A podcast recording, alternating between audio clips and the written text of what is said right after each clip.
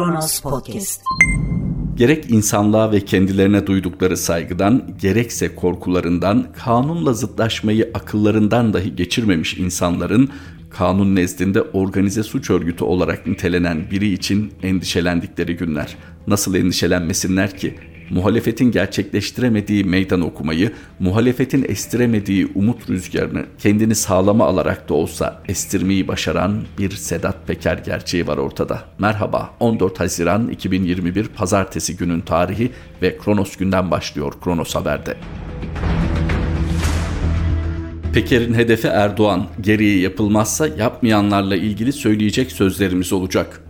Yaklaşık 24 saat kendisinden haber alınamayan organize suç örgütü lideri Sedat Peker ortaya çıktı. Peker, MIT operasyonuyla yakalandığı ve Birleşik Arap Emirlikleri yetkililerinin kendisini gözaltına aldığına dair iddialarla ilgili Twitter üzerinden bir açıklama yaptı. Kaldığı mekana ailesinin yanına geldiğini duyurarak iddiaları yalanladı. Peker eğer ölmez sağ kalırsak bu hikayeyi tamamlamaktan geri durmayacağız dedi. Yaptığı paylaşımda yaşadığı süreci anlatan Peker şunları söyledi. Kıymetli dostlarım, öğle saatlerinden itibaren kaldığım mekandan yetkililerle beraber ayrıldım. Şu an kaldığım mekana ailemin yanına geri geldim. Hakkımdaki iddiaların yoğunluğu nedeniyle karşılıklı sohbette bulunduk. Şahsım hakkında herhangi bir Interpol kararı olmadığı için tüm herkes gibi ülkelerinde misafir olarak bulunduğumu söylediler. Hakkımda birçok suikast ihbarı olduğunu bana ilettiler. Hepimizin bildiği gibi. Ülkeden ayrılmamda veya ülkede kalmamda herhangi bir sorun olmadığını da bana ilettiler. Aydınlık gazetesinde yazan SAT timlerinin ve MIT timlerinin yaptığı operasyonla yakalandığım asla doğru değildir. Zaten ben uluslararası hukuka göre aranan bir kişi değilim. Bu sebeple yüce devletimizin bana resmi bir operasyon düzenleyebilmesi de mümkün değildir. Her normal insana davrandıkları gibi bana da kibar bir şekilde davrandılar.'' Süslü Sülü, benim ahiretliğim, Derin Mehmet, Pelikancılar ve diğer zevatın tamamı. Biz de söz namus eğer ölmez sağ kalırsak bu hikayeyi tamamlamaktan geri durmayacağız. Tabii ki bu süre zarfında gereği eğer yapılmazsa yapmayanlarla ilgili söyleyecek sözlerimiz de elbet olacaktır. Beni sevdiği için dua edenlere, beni sevmediğinden dolayı sadece çocuklarıma ve aileme iyi dilek dileyenlere tüm kalbimle teşekkür ederim. Bir umuttur yaşamak.'' Gece geç saatler denilebilecek bir sırada açıklamayı paylaştı. Bir sıkıntı olmadığı anlaşıldı. Böylece de Türkiye'de milyonlar rahatça yatağa gitti, uyudu. Peki Sedat Peker'i Kurtlar Vadisi'ndeki bu karanlık insanların insani yönlerini açık edercesine gündelik hayatımıza sokan nedir? Kesinlikle Sedat Peker'in kişisel özellikleri değil. Aslında Sedat Peker'in anlattıklarını Sedat Peker dışında bir üslupla biri de anlatsa 3 aşağı 5 yukarı aynı etki uyanacaktı. Demek ki burada şunu karıştırmamamız lazım. Sedat Peker'in son derece sinematografik bir kişilik olması, harika bir öyküye kahramanlık yapabilecek olması, bir takım kendine has özelliklerinin olması anlattıklarından daha önde değil. Bakınız fevkalade önemli suikastlardan bahsediyor, cinayetlerden, karanlık işlerden, uyuşturucu kaçakçılığından bahsediyor. Fakat keyifle dinlenilmesinin sebebi bu karanlık anlatının Sedat Peker'in kişiliği gereği, Sedat Peker'in kişisel özellikleri gereği. Peki bu durum Sedat Peker gerçeğini ortadan kaldırır mı? Hayır. O da bunun farkında. Onun için zaten hem kendisi için dua edenlere hem de kendisini sevmediği halde ailesi için dua edenlere teşekkür ediyor. Yani hayatın olağan akışı içinde sevilmeyecek, tasvip edilmeyecek işler yaptığının gayet farkında. Peki madem Sedat Peker üzerinden ilerliyoruz biraz daha açalım. Başına bu hadiseler gelmeseydi yani birileri onu denklemin dışına itmeseydi ya da birileri tam olarak aslında denklemin çözülememesi ya da kendi lehine çözülmesi için Sedat Peker'i ateşe atmasaydı bunlar olacak mıydı? Yani Sedat Peker ahlaki bir aydınlanma yaşadığı için bunları bizimle paylaşıyor değil. Sedat Peker intikam istiyor. Bu görünen yüzü. Ama istediği intikamın yapmak istediği diğer işlerle örtüştüğü de hiç akla uzak bir ihtimal değil. Sedat Peker bu alemin içinden yani istese ona bunu yaptıran çok üst düzey devlet görevlilerine bile suikast yaptırabilecek donanıma sahip. Nereden biliyoruz? Sedat Peker fevkalade önemli bilgileri şu an itibariyle elde edemeyecek olmasına rağmen elde edebiliyor. Demek ki ulaşabildiği kritik pozisyonda bulunan insanlar var. O halde bu devlet görevlilerine, bu siyasilere istese bir takım acılar yaşatabilir mi? Fakat Sedat Peker bunu kendi alemi içinde yapmak istemiyor. İşte burada ahlaki bir aydınlanmadan değil, başka bir organizasyondan söz etmemiz gerekiyor. Çünkü Sedat Peker şu an yüklendiği misyonla yıkarak kuruluşa zemin hazırlayan kişi olacak. Buradan bir kahraman profili çıkar mı? Romantik bakışla kendisiyle, geçmişiyle yüzleşmeden, hatta kitlelerden özür dilemeden, tövbe etmeden, kestirmeden söylersek böyle bir kahraman çıkmaz. Fakat bu denilenleri yapmak isterse yani ben de kullar içinde bir kuldum kader bana böyle bir yol çizdi pek çok yanlışım oldu bu yanlışları itiraf ediyorum ve tövbe ediyorum bundan sonra yolumu temiz tutacağım derse emin olun mevcut sempatisi katlanır artar. Şu an ona haklı olarak geçmişi üzerinden yüklenenler de böyle bir samimi hamle karşısında pozisyon değiştirebilirler. Burası şu an itibariyle çok önemli değil. Benzer tüm hadiselerde olduğu gibi magazinel boyut karıştığında özü kaçırabiliyoruz. Hemen oraya yoğunlaşalım. Bir kere şunu görmemiz lazım. Sedat Peker'in mevcut karizması, burada karizma tam anlamıyla sosyolojik tanımıyla kullanılmaktadır. Yani kitleler üzerinde doğal etkileme kabiliyeti diyelim kısaca. Bu siyasi olabilir, dini olabilir, kriminal olabilir, edebi olabilir. Bir karizması var. Ve bu karizma kabul edelim ki çok doğal değil. Yani Sedat Peker bir algı inşa etti reis kimliği üzerine. Bunu evet parasıyla elde etti. Burada en önemli soru işareti paranın kaynağı. Sedat Peker bir iş insanı olarak görünmeye çalıştı ama ne kadar iş insanıydı? Mesela Sedat Peker'in ana uğraş dalını biliyor muyuz? Yani bu varlığını, bu zenginliğini hangi işi yaparak elde etmiştir biliyor muyuz? Evet bir işini öğrendik bu süreçte. Kahve, tarihi Beyoğlu kahvecisi. Peki tarihi Beyoğlu kahvecisi acaba tarihi ismi sonradan mı eklendi yoksa gerçekten tarihi bir kahveciydi de Sedat Peker satın mı aldı ya da satın almadı tam da bu karanlık işlerde olduğu gibi mi elde etti? Bakın bunlar haklı soru işaretleri. Sedat Peker'in şu an Türkiye'yi sarsması gereken bir değil, üç değil belki beş kere istifa ettirmesi gereken hükümeti bir takım ifşaatı var. Ve bu ifşaatın detayına baktığımızda Sedat Peker'in fevkalade bilgi olarak beslendiğini görüyoruz. Peki Sedat Peker bunu tek başına yapamayacaksa kim ona bu organizasyonda yardım ediyor? Akla ilk gelen olağan şüpheli Ergenekon. Çünkü Sedat Peker Veli Küçük ilişkisi üzerinden ilerlediğimizde akla en yatkın olan bu.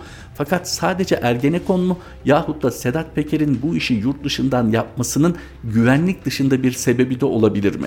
Belki şu an başka bir emirliktedir. Tam olarak bilememekle birlikte Birleşik Arap Emirlikleri'nde olduğunu biliyoruz en azından kendi beyanından buralarda hangi ülke ve ülkelerin etkili olabileceği, Birleşik Arap Emirlikleri yönetiminde kimlerin sözünün geçebileceği 3 aşağı 5 yukarı biliniyor. Şimdi her taşın altında Amerika Birleşik Devletleri'ni görmek paranoyak bir yaklaşım olabilir.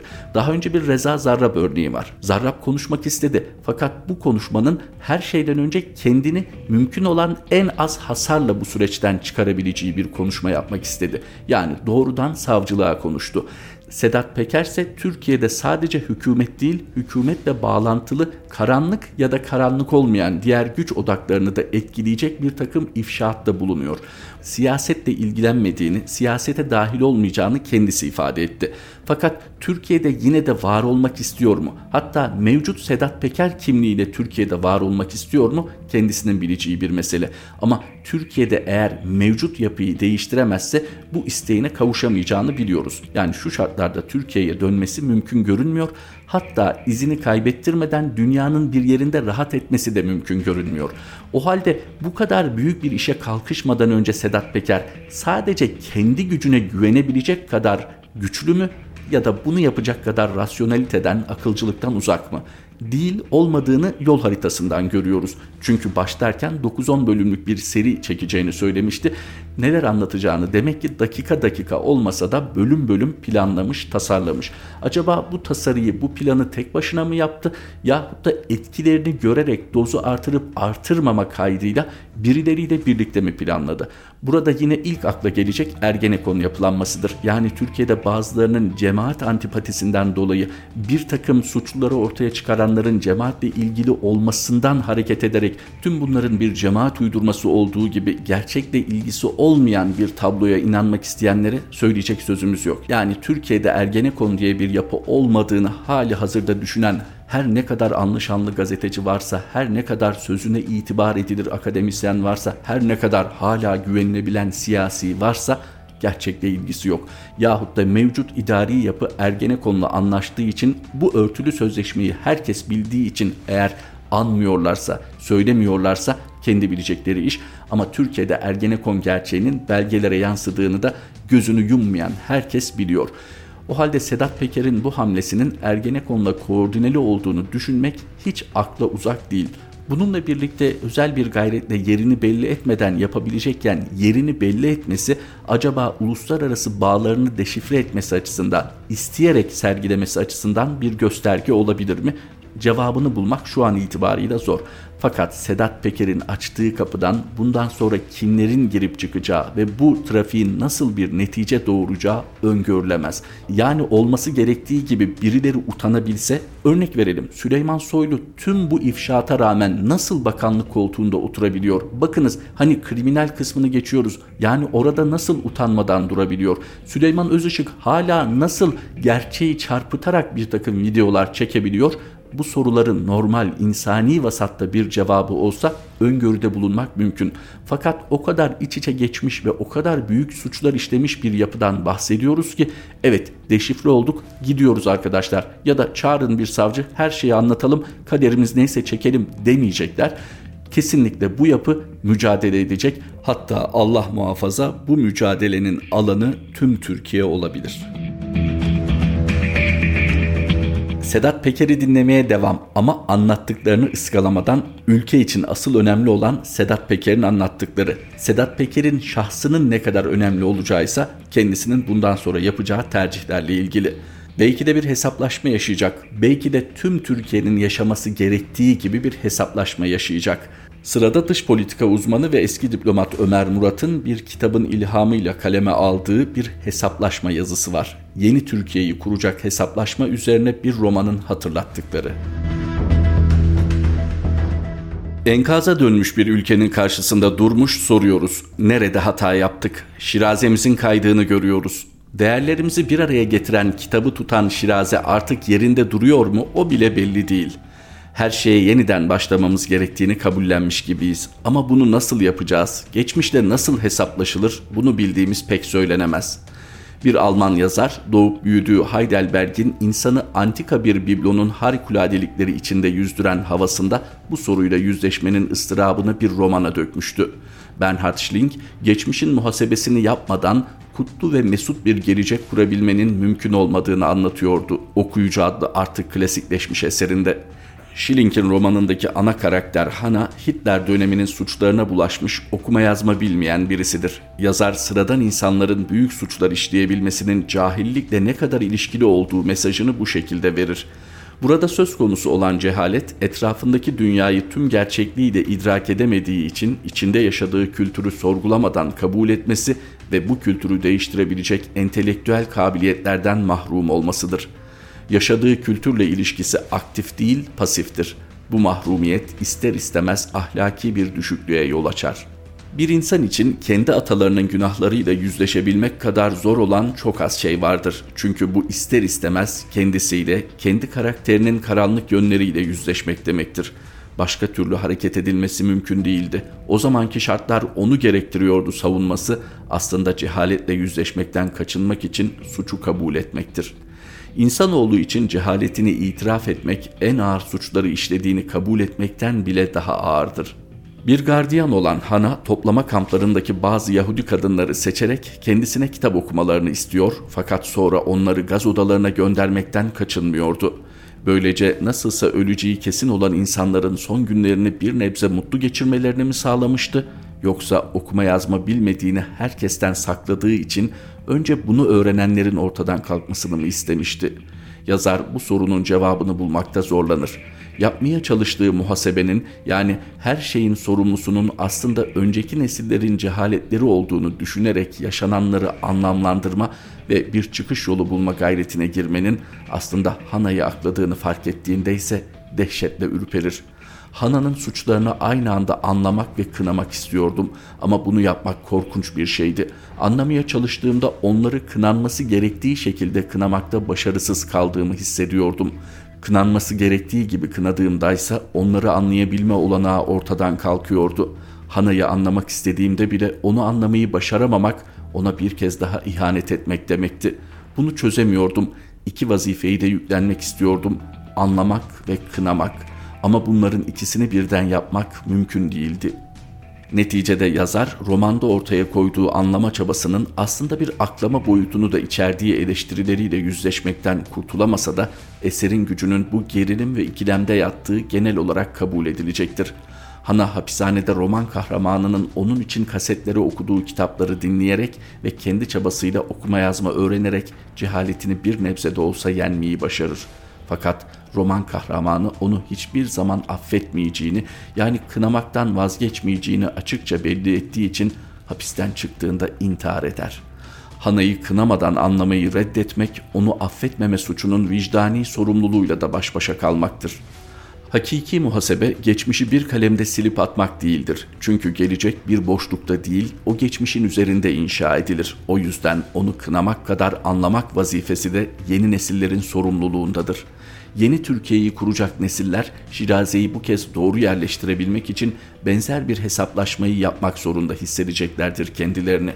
İçinden çıktığım topluma eğitimin verdiği imkanlar sayesinde eleştirel gözlüklerle bakabilmenin avantajının bana yüklediği sorumluluk ve dilemmalarla boğuşan biri olarak Schilling'in çektiği fikir sancısını anlayabiliyorum. Bir yandan kendi milletinin müktesebatını tümüyle reddetmenin ve kınamanın sinik bir anarşizmden başka bir şey ifade etmediğini bilirken, diğer yandan onu anlamaya çalıştığım oranda beni kendi gerekçelendirmelerinin batağına yavaşça çektiğini hissediyorum.'' Mesele çoğu kez anlaşıldığı şekilde insanların bugün gelinen durumdaki paylarını kabul etmekten kaçınmalarından ibaret değildir. Zaten yaşanacak çöküşün boyutu bu mesuliyeti reddetmelerini imkansız hale getirecektir. Burada asıl mesele cehaletle, ahlaki düşüklükle yüzleşmektir ki bu sanıldığı kadar kolay bir kavga değildir. Çünkü bu geçmiş nesillere sizin hatalarınızı düzelterek yeni bir ülke kuracağız demek değil.'' Türkiye siz değilsiniz, olamazsınız, Türkiye biz olacağız demektir ki böyle bir ideolojik başkaldırış mücadelenin hiç bitmeyeceği, neticede istikrarlı bir siyasi rejim kurulsa bile bunun yeni bir çöküş hikayesinin başlangıcı olmadığını temin etmek için zihnen, sosyal ve psikolojik olarak bir millete mensubiyetten vazgeçmeme anlamında çemberin dışına çıkmayı reddederken o çemberin içinde kalmanın getirdiği gerilimi devamlı yaşamak gerekecek demektir.'' Selamete çıkmak sadece kaçmak değil, aynı zamanda bir yerlere de varmaktır. Schilling'in deyişiyle tarih yapmak, geçmiş ve gelecek arasında köprüler inşa etmek, nehrin iki yakasını da gözlemlemek, iki tarafta da aktif bir rol almak demektir. Walter Benjamin'in tarih meleğinin herkesin olaylar zinciri gördüğü yerde bir fırtınanın üst üste yığdığı enkazını ayaklarının önünde biriktirdiği bir tek felaket gördüğü, Tanpınar'ı bilmediğimiz bir yerde kopan bir fırtınanın getirdiği enkazdan yapılmış bir panayırda yaşıyormuş hissine götüren o manzaranın ürperticiliğini tam ortasında bulunduğumuzu fark etmenin bedbinliğiyle artık biz de duyuyoruz. Sonuçları itibarıyla devrim çapında gelişmeler yaşandığı muhakkak ama bunlar bize hiç de Marx'ın bahsettiği dünya tarihinin lokomotifleri gibi gelmiyor.'' Halimiz daha çok Benjamin'in tarih trenini durdurmak için acil durum frenine asıldıkları halde hiçbir şeyi değiştiremediklerini gören insanların dehşet ve biçareliğini hatırlatıyor. Yaratıcının önünde diz çöküp acziyetimizi ilan edemeyecek kadar gururluyuz. Tarih treninin girdiği karanlık tünelde umutsuzca başımızı uzatıp ileriyi görmeye çalışıyoruz. Gördüklerimiz Platon'un mağarasındaki prangalı insanların gölgeleri tariflerini hatırlatıyor.'' Aramızda gözleri aydınlıktan kamaşmış şekilde yarı kör bir halde bize güneşten bahsedenler varsa da onları ne anlayacak ne de duyacak durumdayız.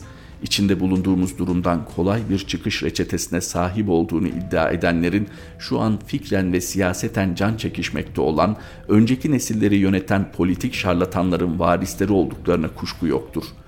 Anlamak ve kınamak Kınamak ve anlamak, sırtımızdaki ağır yük budur. Bunlardan birini bırakmak bir fedakarlık veya hakiki bir isyan ahlakı değil, kolaycılık ve kaçıştır. Bu gerilimi zihninde ve yüreğinde getirdiği tüm ıstıraplara rağmen taşımaktan vazgeçmeyenler inşa etmeyi başarırsa yeni bir Türkiye'den umutlu olmak mümkün olacaktır.'' Dış politika uzmanı ve eski diplomat Ömer Murat'ın satırlarıyla Kronos gündemin sonuna geldik. Kronos Haber'de tekrar buluşmak üzere. Hoşçakalın. Kronos Podcast